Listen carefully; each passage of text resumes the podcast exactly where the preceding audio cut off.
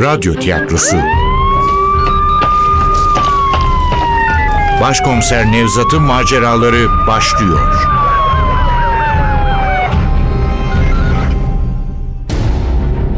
İstanbul Hatırası. Eser Ahmet Ümit. Radyoyu uyarlayan Safiye Kılıç Seslendirenler Başkomiser Nevzat Nuri Gökaşan Ali Umut Tabak Zeynep Burcu Başaran Yekta Hakan Akın Demir Ender Yiğit Mümtaz Müdür Dündar Müftüoğlu Berber Ayhan Selçuk Kıpçak Arif Usta Sefa Zengin Efektör Ufuk Tangel Ses Teknisini Hamdullah Sürel Yönetmen Aziz Acar. İstanbul Hatırası'nın önceki bölümünde Ömer emniyetteki sorgusunda Afganistan'a nasıl ve ne amaçla gittiğini, Amerikalı binbaşı öldürüldüğü sırada orada olduğunu, hatta infazı kendisinin gerçekleştirmesini istediklerini ama yapamadığını itiraf etti. Ama ısrarla mukadder Kınacı'yı öldürmediğini söylüyordu. Kınacı'yı ben öldürmedim.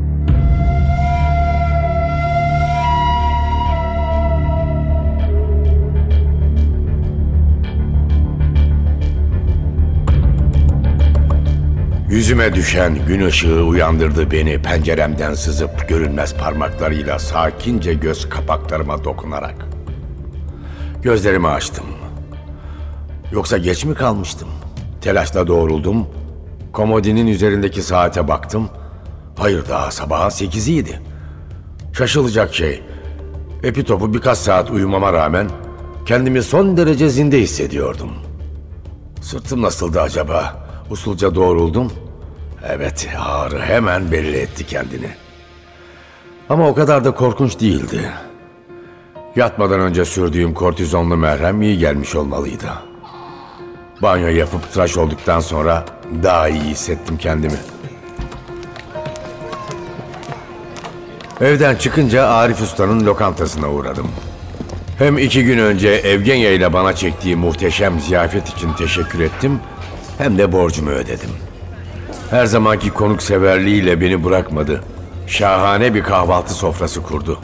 Kahvaltı ederken berber Ayhan damladı. Canı fena halde sıkkındı. Yanni baba ölmüş. Evinde bulmuşlar. Bir hafta olmuş öleli. Kimse fark etmemiş. Ne komşuluk kaldı ne vefa. Cesetlerimiz evlerimizde kokacak. Kimse bilmeyecek valla. Öyle deme be Ayhan. Yine burası iyi. Kimi semtler var ki İstanbul'da. Adam komşusunun adını bilmiyor. Yanni baba yalnız yaşadığı için insanlar fark etmemiştir öldüğünü. Yoksa bırakmazlardı ölüsünü evinde. Yanni babayı tanırdım. Tersaneler Pendik'e taşınmadan önce dökümhanesi vardı Balat'ta. Atölyesinin yanındaki papazın bahçesinde top oynardık. Susayınca Yanni babanın dökümhanesindeki çeşmeden içerdik. Hiç ses çıkarmazdı. Onca yıl girdik çıktık atölyesine tek laf etmedi bize. Evlenmemişti Yanni baba. Eşcinsel olduğunu söylerlerdi. Dedikodu mu gerçek mi hiçbir zaman bilemedim. Nur içinde yatsın iyi adamdı. Allah rahmet eylesin. Kendine Müslüman diyen bir sürü sahtekardan çok daha muteber bir adamdı. Toprağı bol olsun. Onları üzüntüleri ve isyanlarıyla baş başa bırakıp çıktım dışarı. Emektarın kapısına yönelmiştim ki Yekta ile karşılaştım. Günaydın Nevzat. Ne yapıyorsun burada? Günaydın Yekta. Arif Usta'ya uğramıştım. Kahvaltı ettik. Aa, biraz bozuldum şimdi. Niye ne oldu ki? Daha ne olacak? Biz dururken Arif Usta'da mı kahvaltı yapıyorsun? Evimiz iki adım uzakta. Oğlum daha akşam beraberdik. Sıkıldın mı? Eskiden her günümüz birlikte geçerdi. Yok be öyle bir şey mi dedim. Yani size yük ol... Yük olmakmış. Lafa bak. Özrü kabahatinden büyük. Nasıl yedin ama? Tüh Allah iyiliğini versin. Hadi bin şu emektara. Gidiyoruz. dur dur dur nereye gidiyoruz? İşim var benim oğlum. Bırak şimdi işi falan. Birkaç saat geç gitsen kıyamet kopmaz ya. Sözlerimin hepsi şaka değildi Nevzat. Sahi niye sabahları bize kahvaltıya gelmiyorsun? Demir'le ben bekar adamız. E sen de öyle. Gerçi artık Evgenya var ama Ondan değil be Yekta. Ne bileyim aklıma gelmedi. Sizin her sabah kahvaltıda buluştuğunuzu bile bilmiyordum. sormuyorsun ki bilesin. Hadi hadi geç arabaya. Aa dur dur sırtıma vurma. Ne? Ne oldu? Ee, hiç. Dün akşam sağlam bir darbe aldım da. Aa, kusura bakma bilmiyordum. Önemli değil. Birkaç güne kalmaz geçer. İyi de ne zaman oldu bu? Bizden ayrıldığınızda vakit gece yarısına geliyordu. Sabaha doğru. Sabaha doğru mu? Gece göreve mi çıktın? Ne yapacaksın bizim işimiz de bu. Yine cinayet vakası değil mi? Başka ne olacak? Neyse boş ver bunları şimdi. Nereye gidiyoruz söyle bakalım. Nereye olacak Demir'e? Saate baktım. 9'a geliyordu. Aslında emniyette olmam gerekirdi. Ama dün akşamki yemeğin sonuçlarını merak ediyordum. Daha doğrusu arkadaşlarımın Evgenya hakkında düşündüklerini. Zaten Ali ile Zeynep de anca toplarlardı işleri. Tıpkı eskiden okulu kırıp top oynamaya gittiğimiz günlerdeki gibi tamam lan dedim. Yaramaz bir çocuğun sorumsuz heyecanıyla hadi gidelim dedim. Erken kalkardı Demir, gün doğmadan. Öğleye kadar çalışır, yemeğin ardından bir saat kadar kestirdikten sonra yeniden işe koyulurdu. Dünyanın en düzenli adamıydı. Hayır hayır Alman eğitimi aldığı için değil, çocukken de öyleydi. Kitapları ciltli, defterleri tertemiz, önlüğü her zaman ütülü, yakası hep kolalıydı. Annesi Atiye teyzeden almıştı bu alışkanlığını. Rahmetli çok titiz kadındı. Ne yazık ki genç yaşta Alzheimer illetine yakalandı kadıncağız. Demir'in babası Bünyamin amca sert bir adamdı. Çok korkardı Demir babasından.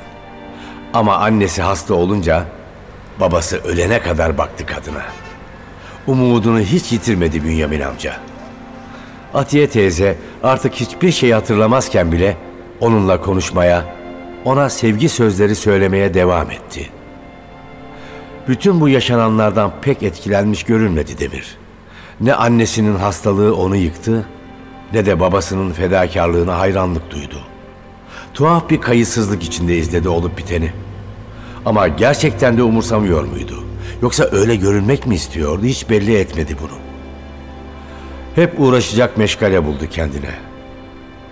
Her zaman onu sorunlardan uzaklaştıracak bir iş bulurdu. Okuldayken dersleriyle ilgilenir, tatil zamanlarında babasının un kapanındaki manifaturacı dükkanında olurdu. Hiç aylak aylak dolaşmazdı, bizimleyken hariç. Yanımıza geldi mi o çelik iradeli, büyümüş de küçülmüş çocuk her şeyle birlikte kendini de unutur, hiçbir sorumluluk taşımayan, özgür, neşeli biri olurdu. Ya papazın bahçesinde top koştururduk ya da Haliç'in henüz kirlenmemiş kıyılarında denize girerdik.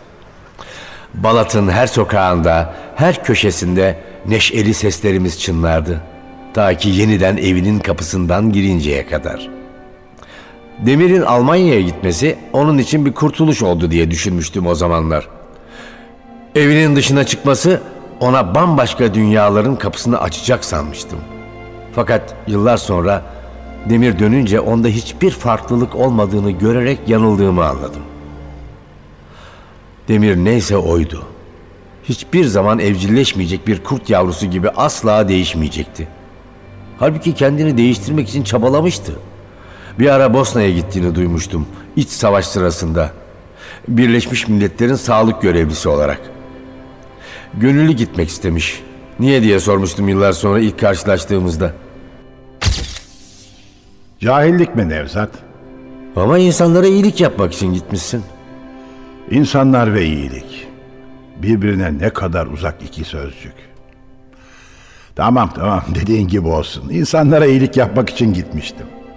Aslında kendime iyilik yapmak istiyordum. Almanya'daydım. Çok sıkılıyordum. Hayat saçma sapan gelmeye başlamıştı. Ölüme yakın olursam belki hayatın anlamını öğrenirim diye düşünmüştüm.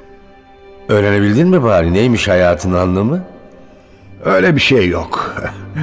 Bence o anlamı ancak insanın kendisi yaratabilir. Ama boş ver Nevzat. Karışık meseleler bunlar. Filozoflar binlerce yıl kafa yormuş, yine de işin içinden çıkamamışlar. İşte böyleydi Demir. Gerçek düşüncelerini, duygularını açmazdı.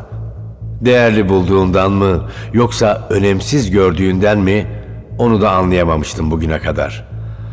Aslına bakarsanız Yekta'nın da ondan pek farkı yoktu artık. Artık diyorum çünkü Handan'la oğlu varken durum değişikti. Demir'in söylediğine benzer kişisel bir anlamı vardı hayatının. Ama ailesinin ölümünden sonra Yekta da Demir'e benzemeye başlamıştı. Sanırım bu yüzden onca olan bitene geçen bunca yıla rağmen yine bir araya gelmişlerdi. Benim emektarı Balat Sarayı'nın önüne park edip geniş bahçe kapısından içeri girdiğimizde at kestanelerinin gölgesindeki kameriye'de dün akşam yemek yediğimiz masayı kahvaltı için hazırlarken bulduk Demir'i. Yekta seslendi uzaktan. Baksana kimi getirdim. Çok özlemişsindir. Ne zamandır görüşmüyorduk. Her gün görsem de özlerim seni be Nevzat. Asıl sen bizi özlemiyorsun. Şu rastlantılar da olmasa Yahu daha dün akşam beraberdik. beraberdik ama Evgenya sayesinde. Hiç ters ters bakma Nevzat, doğruyu söylüyorum. Öyle değil mi Yekta? Arıyor mu bu hayırsız bizi? Arasaydı böyle kolundan tutup getirir miydim? Amma azarladınız be. Sanki siz beni çok arıyorsunuz da. Arıyoruz tabii. Kaç kere balığa çağırdık. Her defasında ektin bizi. Doğru söylüyorlardı. Defalarca çağırmışlardı. Hem de öyle bir gün öncesinden filan değil, bir hafta öncesinden. Her defasında niyetlenmiş ama araya bir şeyler girdiğinden gidememiştim. O zamanlar Demir'le Yekta pek tepki göstermemişlerdi ya da ben anlamamıştım. İlk kez bu kadar açıkça sitem ediyorlardı. İşin tuhafı, yaptıkları sistem hoşuma gidiyordu. Arkadaşlarım hakkında yanılmış mıydım? Belki beni hiçbir zaman dışlamamışlardı da öyle mi sanmıştım? Galiba Evgenya'nın söylediği doğruydu. Belki de ben hep uzak durmuştum onlardan. Sanırım gerçek buydu. Kendimi kurtarmak için hep mesleğimin zorluklarına sığındım. Ya öyle demeyin çocuklar biliyorsunuz bizim mesleği. Ne gecemiz var ne gündüzümüz. Polislik zor iş yahu. Heh, böyle de canımı ye. Gel. Gel hadi otur şöyle. Aslında ben de sizinle birlikte olmayı istiyorum. Ama hakikaten işimiz belli olmuyor. Üç gündür katillerle uğraşıp duruyoruz biliyorsunuz işte. Dün gece bile o kadar çabalamama rağmen yine geç kaldım. Şu televizyonların söz ettiği Çemberli Taş'ta bulunan ceset mi? O da var başkaları da. Pis iş ama ilginç tarafları da var. Mesela Topkapı Müzesi'nin müdüresiyle tanıştım. İstanbul hakkında acayip şeyler öğreniyorum. Neyse, işte yoğun geçiyor günler. Tamam da sen bu işi seviyorsun abi. Kusura bakma ama pek bir heveslisin. İşimiz zor falan diyorsun da bir türlü emekli olmuyorsun. Üstelik sana defalarca haksızlık etmelerine rağmen. Senin yerinde olsam bin kere basmıştım istifayı. Öyle değil. Yok Nevzat, kabul et oğlum. Seviyorsun sen bu işi. Haklıydı, seviyordum. Nedenini, niyesini tam bilemesem de vazgeçemiyordum bu meslekten. Belki dünyada çok fazla acı olduğu için, belki birkaç cinayeti çözüp katilleri yakalarsam kendimi daha iyi hissedeceğimi sandığım için. Ya da sadece bu işi yapmayı sevdiğimden. Veya elimden başka bir iş gelmediği için. Nedeni ne olursa olsun, evet cinayet çözmeyi, katillerle uğraşmayı seviyordum. Hem bize de pek ihtiyacın varmış gibi görünmüyor. Evgenya'nın yanında pek mutluydun akşam. Mutlu mu yok be. Yorgunluktan ölüyordum oğlum. İki saatlik uykuyla duruyordum. Hadi hadi. Ağzın kulaklarına varıyordu. Sen şimdi bırak bu lafları da Evgenya'yı anlat bakalım. E daha önce anlattım ya. Hem cumartesi sizi Tatavla'ya bekliyor. Daha iyi tanırsınız orada. Sahi ya, kadıncağız bizi davet etti ama... Gelmezseniz bozulur vallahi. Evgenya göründüğü gibidir. Ne düşünüyorsa, ne hissediyorsa onu söyler. Sizi sevdi yoksa çağırmazdı oğlum. Geliriz geliriz. Şanslı adamsın ve selam. Evgenya iyi bir kadına benziyor. İyidir. Niye evlenmiyorsun onunla? Madem o kadar iyi, üstelik güzel de Hem de sana aşık. sen de ona aşıksın değil mi? Bilmiyorum Demir. Aslında aşkın nasıl bir duygu olduğunu pek hatırlamıyorum. Evgenya'nın yanında kendimi iyi hissediyorum. Evgenya bana iyi geliyor. Tabii eskisi gibi değil. Yani Güzide ile olduğum gibi değil. Hiçbir zamanda eskisi gibi olmayacak. Çünkü Güzide ile Aysun'u hiçbir zaman unutmayacağım. Evet, ruhun yarası hiçbir zaman tam olarak kapanmıyor. Beden daha çabuk onarıyor kendini. Kalbin attığı sürece vücut iyileşebilir. Oysa ruhun bir kez darbe aldı mı o yara dikiş tutmuyor. Ama öte yandan hayatta devam ediyor. Ben yeniden başlayamam sanırdım. Başka bir kadın olmaz, başka birini sevemem sanırdım. Oluyormuş. Bazen utanıyorum. Ne yapıyorum ben diye soruyorum kendime. Karım, kızım öldüler.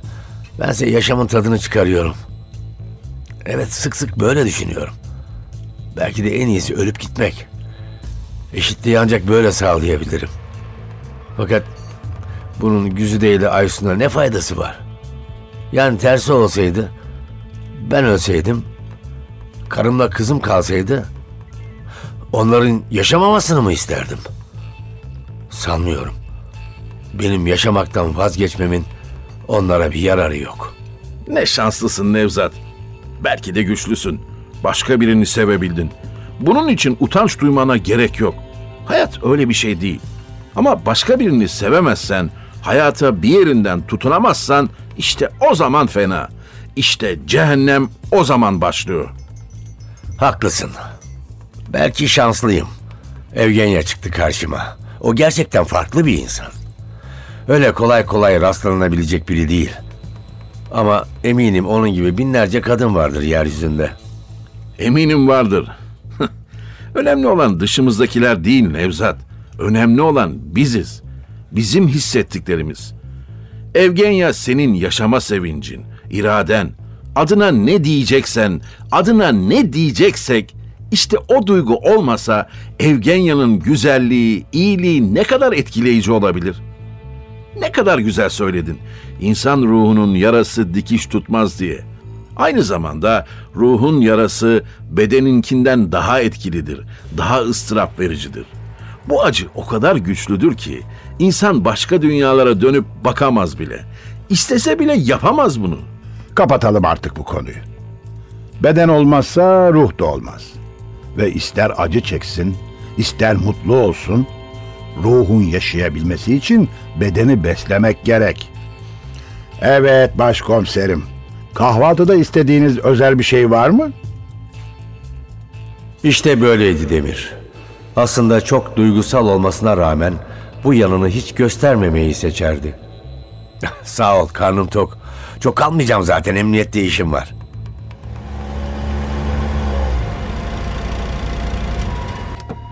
Emniyete geldiğimde saat 11'i geçmişti. Kapıdaki memur telaşla Mümtaz müdürümüzün odasında beni beklediğini söyledi. Evet, işte başlıyordu. Mümtaz müdürüm soruşturmanın nasıl gittiğini öğrenmek istiyordu. Belki de yukarıdan birileri aramıştı. E basın boş durmuyordu tabii. Eminim dün geceki cinayette gazetelerin ilk sayfalarında, televizyonların ana haber bültenlerinde yer almıştı. Mümtaz müdürümüz de gelişmeleri öğrenmek istiyordu doğal olarak. Ama şu anda olan biteni en başından itibaren anlatmak zor geldi bana. Hem son durumu öğrenmeden müdürümüzün karşısına çıkmak hiç de akıllıca olmayacaktı. O yüzden Mümtaz'ı boş vererek odama geçtim. İlk işim Ali ile Zeynep'i yanıma çağırmak oldu. Beş dakika geçmeden karşımda oturuyorlardı. İkisi de dinlenmiş görünüyordu. Et taşıma aracı araştırmaya alındı başkomiserim. Çok iyi bir ekip kurduk. Çocuklar canla başla çalışıyorlar. Güzel. Ama sonuç alınması akşamı bulur. Duydun mu Ali'cim? Gözaltını uzatmak için savcılıktan ek süre almamız gerekecek. Merak etmeyin başkomiserim. Naci'yi savcılığa yolladım bile. Aferin. Şimdi gelelim üçüncü kurbana. Gazeteciydi değil mi? Adı neydi? Şadan Duruca. Biraz karışık bir adam. Büyük bir gazetede çalışıyormuş. Ama camiada pek itibarlı sayılmıyor. Üç yıl önce Topkapı'da sit alanında yapılan bir otel davasında adı geçmiş. Şadan Duruca çalıştığı gazetede günlerce bu otelin ülkemiz turizmine yapacağı katkıları övmüş durmuş. Ama sonra Mimarlar Odası dava açarak bu otelin tarihi kültürel varlıklarımıza zarar verdiğini öne sürmüş. Mahkeme Mimarlar Odası'nın başvurusunu yerinde bulmuş ve otel inşaatını durdurmuş. Ardından başka bir gazete oteli yapan şirketin Şadan Duruca'ya karşılıksız olarak bir daire verdiğini keşfetmiş. Günlerce yazılar yayınlanmış bu konu üstüne. Basında tartışmalar çıkmış. Şadan Duruca aldığı daireyi iade etmemiş ama çalıştığı gazeteden ayrılmak zorunda kalmış. Ancak bir yıl sonra başka bir gazetede iş bulmuş ve yeniden yazmaya başlamış. Peki Şadan Durucan'ın öteki iki kurbanla bir ilişkisi var mı? O konuda bir bilgiye ulaşamadım başkomiserim. Aslında o konuyu daha araştırmadım. Zaman yoktu. Araştırsak iyi olacak. Bu gazetecinin de şu Adem Yezdan denen turizmciyle bağı olabilir. Sahi Adem Yezdan ne zaman dönüyordu Moskova'dan? Bu gece yarısı başkomiserim. Rötar filan olmazsa saat 12 civarı Atatürk Havalimanı'nda olurmuş. Havaalanından alalım mı? Galiba alttan alta o da Ömer'in katil olmayabileceğine inanmaya başlamıştı. Eski bir toprak ağası olan, üstelik pis işlere bulaştığını bildiğimiz Adem Yezdan'la uğraşmak, radikal dinci Ömer'le uğraşmaktan çok daha heyecan verici olabilirdi. Olabilirdi ne demek, olmaya başlamıştı bile. Şu anda gözaltına almak doğru olmaz. Elimizde Adem Yezdan'ı suçlayacak bir kanıt yok. Bu tür adamların tanıdığı çoktur. Daha başında elimizi kolumuzu bağlatmayalım. Adamı iş yerinde ziyaret etmekte fayda var. Zeynep, şu sikke hakikaten söylediğin gibi miymiş? Yani Theodosius'un muymuş? Öyleymiş başkomiserim. Ama bu Theodosius hakkında fazla bilgi bulamadım. Kusura bakmayın başkomiserim. Konuyu detaylı araştıracak vaktim olmadı. Ama isterseniz hemen araştırmaya başlayabilirim. İsterseniz Leyla Barkın'a da sorabiliriz. E, onu da yapabiliriz ama şimdi değil. Tekrar Samatya'ya gitmemiz lazım. İlk kurban Necdet Denizel'in evine. Leyla Barkın, Necdet'in bir sikke koleksiyonu olduğundan bahsetmişti. Koleksiyon hala evde mi yoksa birileri mi aldı bunu öğrenmeliyiz. Yani sikkeleri katiller mi götürdü diyorsunuz? Olabilir Zeynep'ciğim. Bu sikkeler öyle kolayca çarşıda pazarda satılmıyor. Katiller onları birinin koleksiyonundan ya da müzeden yürütmüş olmalı. Yürütmüş olmalı diyorum çünkü katillerimiz satın aldığı sikkeleri kullanarak kendilerini ihbar edecek kadar aptal birilerine benzemiyor. O evi iyice araştırmamız lazım. Her şey Necdet'in öldürülmesiyle başladı. Aradığımız ilk ipucu da o evde olmalı. Aradığımız ipucu o evde olabilir. Alo? Hangi ipucu? Neredesin Nevzat? Seni beklediğimi söylemediler mi? Ya acil bir durumdu müdürüm. Ee, arkadaşları göreve yollamam gerekiyordu. Ee, bu işi halleder halletmez geliyorum efendim. Tamam gecikme.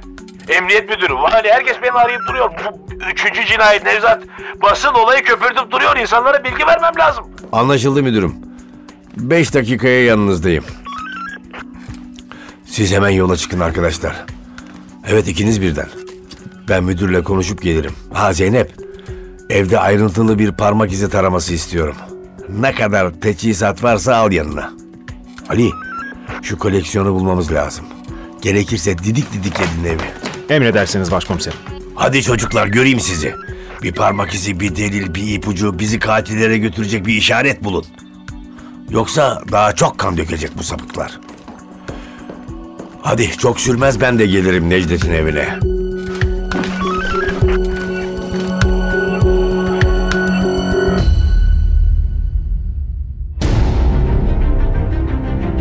İstanbul Hatırası. Eser Ahmet Ümit. Radyoyu uyarlayan Safiye Kılıç.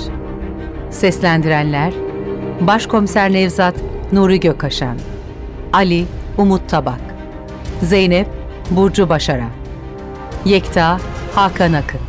Demir Ender Yiğit. Mümtaz Müdür Dündar Müftüoğlu. Berber Ayhan Selçuk Kıpçak. Arif Usta Sefa Zengin. Efektör Ufuk Tangel. Ses Teknisini Hamdullah Süren. Yönetmen Aziz Acar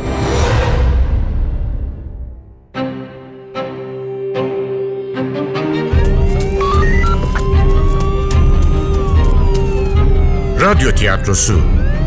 Başkomiser Nevzat'ın Maceraları.